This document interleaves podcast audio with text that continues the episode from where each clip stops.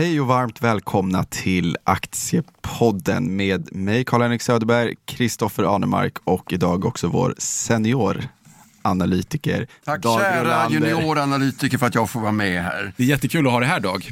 Ja, men ni är ju riktiga analytiker så att det funkar. Ja, det är alltid känsligt det där att nämna senior. Det är väl någonting positivt? Det är Senior är inte positivt. Nej, inte i dina öron. Chefsanalytiker. Ja, okej, vi kan kalla er kan- chefsanalytiker idag. Eller, eller bara analytiker. Ja, okej. Och ja. att ni är junioranalytiker. Ja, okej. Okej. Fair enough. Är allt bra med dig annars? Jag tycker det är ganska hyfsat. Jag gillar att det är vår alltså. Mm. Det är härlig tid tycker jag. Bästa tiden på året. onekligen. Ja, hösten är ganska bra också.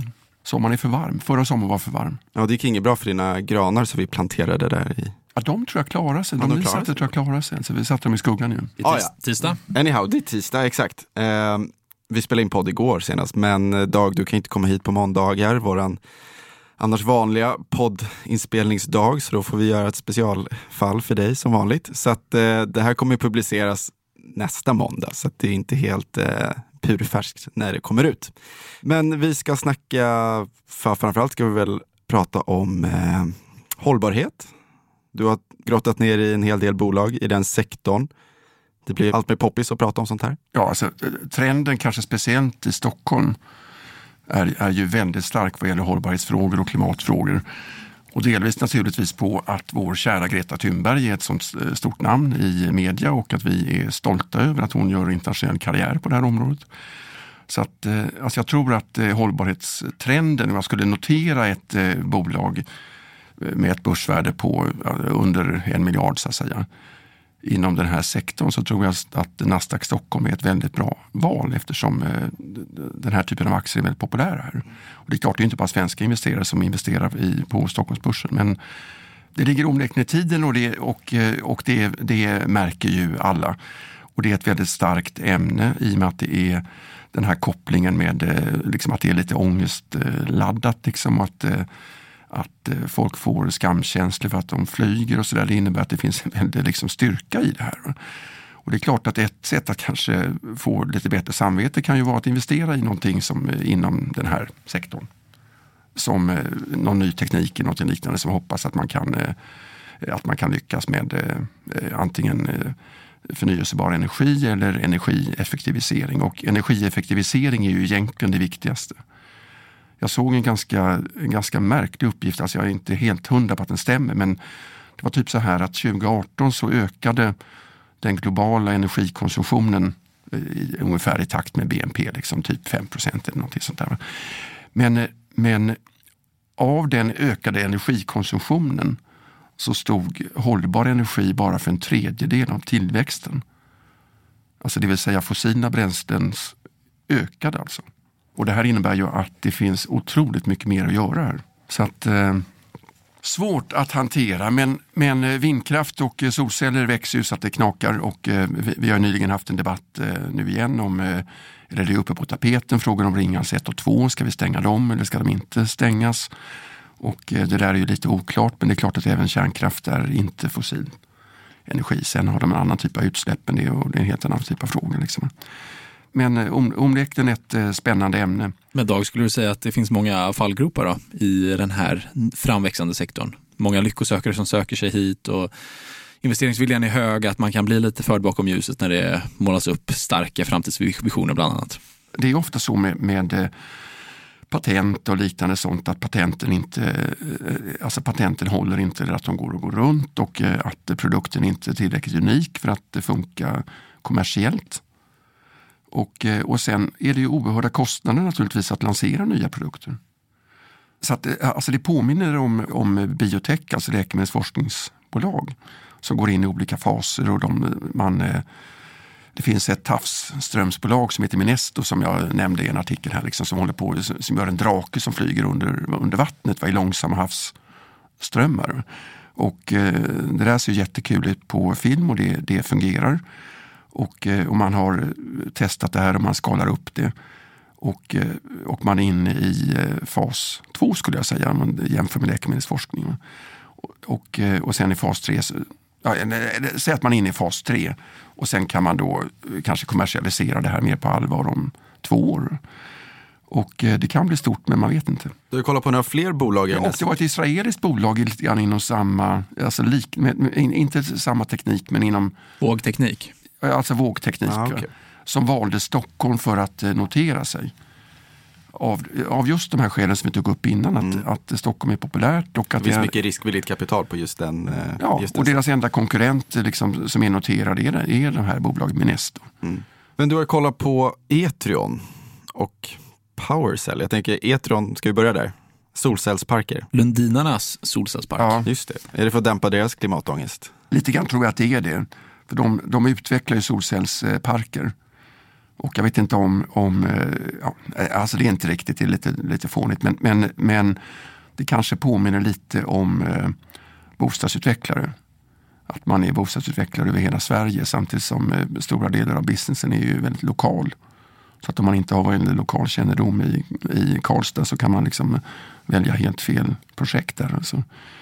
Så att, eh, att det finns ju vissa risker med det. Men, men eh, alltså de är globalt verksamma inom, eh, i att utveckla solcellsparker. Och de är säkert, eh, säkert duktiga på det. Jag tycker inte att eh, caset som aktie är speciellt eh, intressant egentligen. Alltså. För de har väl solcellsparker? Alltså i, Ja, nu är det Japan som är deras huvudsakliga. Japan och Italien, hade, alltså Italien är väl en stor marknad också? Eller har den... Italien Chile hade, också för mig. ja, men alltså, såväl Italien som Chile har liksom dämpats ner och Ja, i, okej. i, i Italien så har de en tvist angående, därför de hade subventioner till, eh, till solcellsparker. Och sen i, i, en budget, eh, i en budgetbehandling så strök man de här. Italien har ju haft en del statsfinansiella problem och behövde spara på pengar och de sparade in en del. Så att de sparade in pengar på bidrag till eh, solcellsparker som redan var etablerade. Så, att säga. så man höll inte löftet. Och det där tvistar Etrion med italienska staten om och jag vet inte om det flyger eller inte. Men subventioner, det är, det är ett stort tema i det här bolaget, eller? Att man måste ha subventioner för att det ska kunna att, att ka- kalkylen ska gå ihop? Eller skulle du säga att det är regel liksom för att det ska vara kommersiellt eh, gångbart? För att det är, det är ganska stora investeringskostnader här, eller som du sa, man uppför de här parkerna och sen säljer man vidare dem. Har jag Jo, men, rätt? jo, men kostnaden för solceller har ju fall, fallit så pass mycket. va. Så du, alltså du får ju fler eh, megawatt för pengarna liksom idag än vad du fick för några år sedan. Så att det är på samma sätt som med, eh, med eh, bidrag till solceller på svenska tak och sånt där. Att det finns möjligheter att dra ner det nu. va. Men man måste så väl att- ansluta det till elnätet och det finns väl lite kostnader förknippade med mark. Alltså vad är det för mark man måste Ja, men upplåta? grejen som, de- grejen som Etrion, Etrion väljer det är land i världen där de villkoren är bäst. Liksom. Och det är Och så Japan. satsar de stort där. Och eh, senast var det Japan. Men du, om man, om man kollar på siffrorna, dina prognoser, de verkar ju fortsätta att göra minusresultat både på dina prognoser för 2019 och 2020 och dessutom ökad nettoskuld. Är det någon emissionsrisk här eller? Det tror jag inte på det sättet. Utan eh, alltså, om Etrion behöver ytterligare kapital så kommer de säkert göra en riktad emission till 5 rabatt. Och sen, eh, Så att det, alltså, det, alltså, det blir inte någon företrädesemission. Nej. Powercell har du också kollat på, eller hur? Det var ju en riktig fullträff. Ett, ett Göteborgsbolag avknoppat från eh, Volvo Mm. och eh, håller på med bränsleceller. Som är, som, och frågan är om inte bränsleceller är bättre alternativ än batterier i eh, bilar. Det är lite, ja, lite tveksamt men, men, eh, men eh, det finns eh, stora fördelar med, med bränsleceller. Och, eh, aktien har ju gått fantastiskt i år och, eh, och inte bara på grund av, av eh, klimatångest eller fokus på det här området utan de har också fått, eh, de tackar nej till en affär i Amerika eftersom de ställde för hårda villkor vad gällde ensamrätter och sånt där. Och sen strax sen, någon vecka senare så fick de ett, eh, en, eh, gjorde de en stor affär med Bosch som ju är världens ledande underleverantör till bilindustrin. Så att det är att ett, ett rejält genombrott och fantastiskt kul tycker jag. Och då lossnar det för aktien också. Den Så aktien fördubblades i stort sett på ett par veckor. Liksom. Kul ändå. Ja, jättekul. Jättekul att se sådana här bolag slå igenom.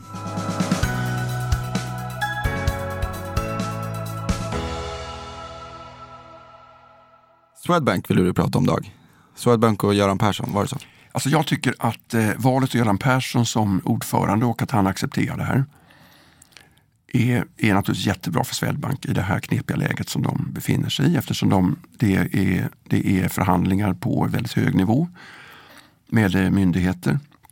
Och eh, Det kan handla om en del lobbyarbete och lite allt möjligt för att eh, hantera den här knepiga situationen som inte bara gäller myndigheter naturligtvis i EU utan också med, med amerikanska myndigheter som tittar och undersöker de här penningtvättsproblematiken och där man, där man som, jag vet inte, alltså jag tycker Telia betalade ju, var det 8 miljarder eller hur mycket var det de betalade för en, en historia i, i Azerbajdzjan eller ja.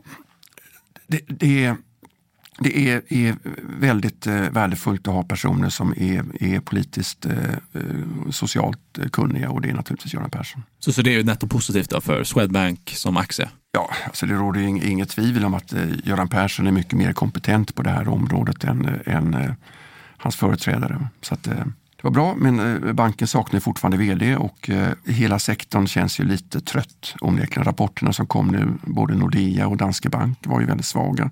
Och eh, det finns de som pekar ut traditionella banker som dinosaurier. Typ, liksom. Fintech kommer starkt och Europakonjunkturen vänder ner så kreditförlusterna ser lite... Och här kan man också snacka en del om trender och, och grejer med, med den nya bolag alltså inom sektorn som Klarna eller ja, liknande sånt här det ligger ju liksom i deras intresse att reglera, att reglera sönder vanliga banker. Liksom. Att lägga på dem liksom mer och mer och mer uppgifter som gör att, de blir, att det blir eh, väldigt dyra IT.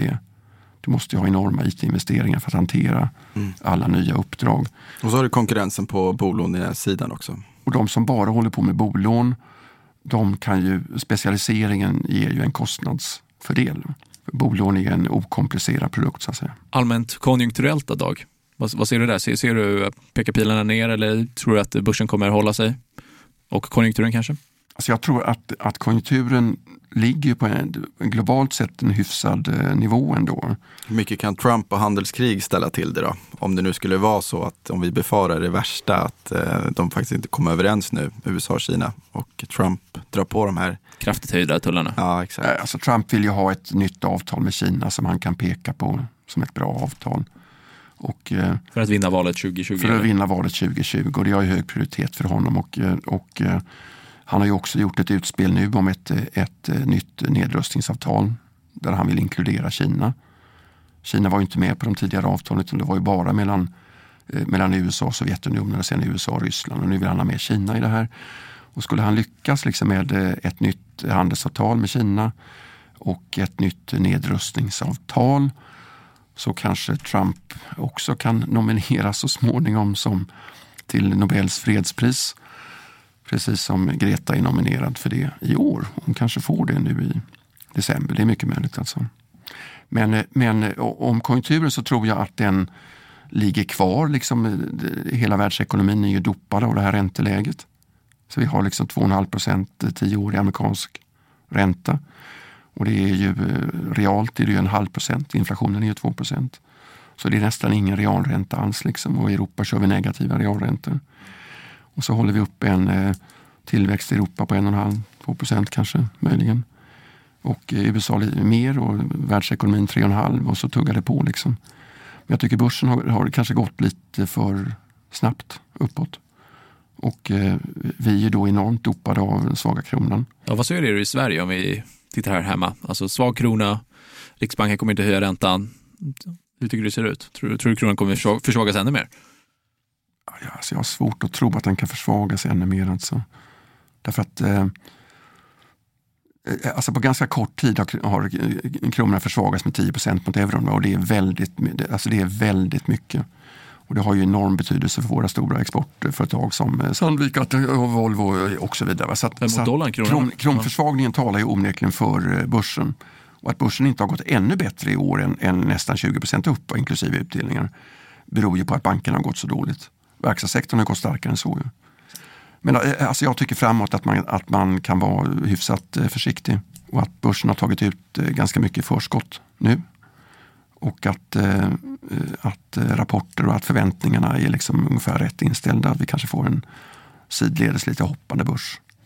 Och sen, och sen, så träffas vi igen när vi poddar i höst så, så kan vi se liksom lite grann. Så det blir det klassiska säsongsmönstret då? Ja, jag undrar om det, eller det ligger upplagt för det i år. Är det Sell Me Go Away eller? Sell Me and Go Away. Sell in May, Go Away. Sell in May and Go Away. Ja. Sälj till sillen och köp till kräftorna brukar man ju säga i Sverige. Liksom? Men sillen är ju typ, alltså sillen är midsommar. Va? Men eh, ja, det kanske är läge att, att vara lite försiktig nu alltså. Men om vi säger så här, om du stod i kvalet att köpa en svensk indexfond eller en amerikansk indexfond, vad skulle du köpa idag? Skulle du köpa en amerikansk indexfond eller en svensk? Jag skulle nog köpa svensk i alla fall. Alltså. Det är så, du skulle inte hoppa på starka amerikanska tåget då? Nej, men alltså grejen är väl ändå det att eh, eh, alltså vi har en dopad valuta, det vill säga kronan är för svag. Den borde, den borde stå högre än vad den gör. Så att köper vi amerikanska aktier så kan vi riskera att vi får en kronförstärkning och tappar på det. Och sen så är ändå den dopade kronan gör ju ändå att våra exportberoende bolag tjänar mycket på det. Alltså. Så att, eh... Bestävjar inte det innovationskraften då? då? Att de kan förlita sig på valutavinster istället för konkurrens eller innovation. Det är väl på lite längre sikt då kanske? Ja. Exakt. Ja, men alltså, Bra, det, det, jag hoppar inte på Chris för den grejen. Alltså, det, ja, men det, innovationskraften påverkar ju inte börsen fram till midsommar. Ja, men om du tänker att det blir liksom dränerat här.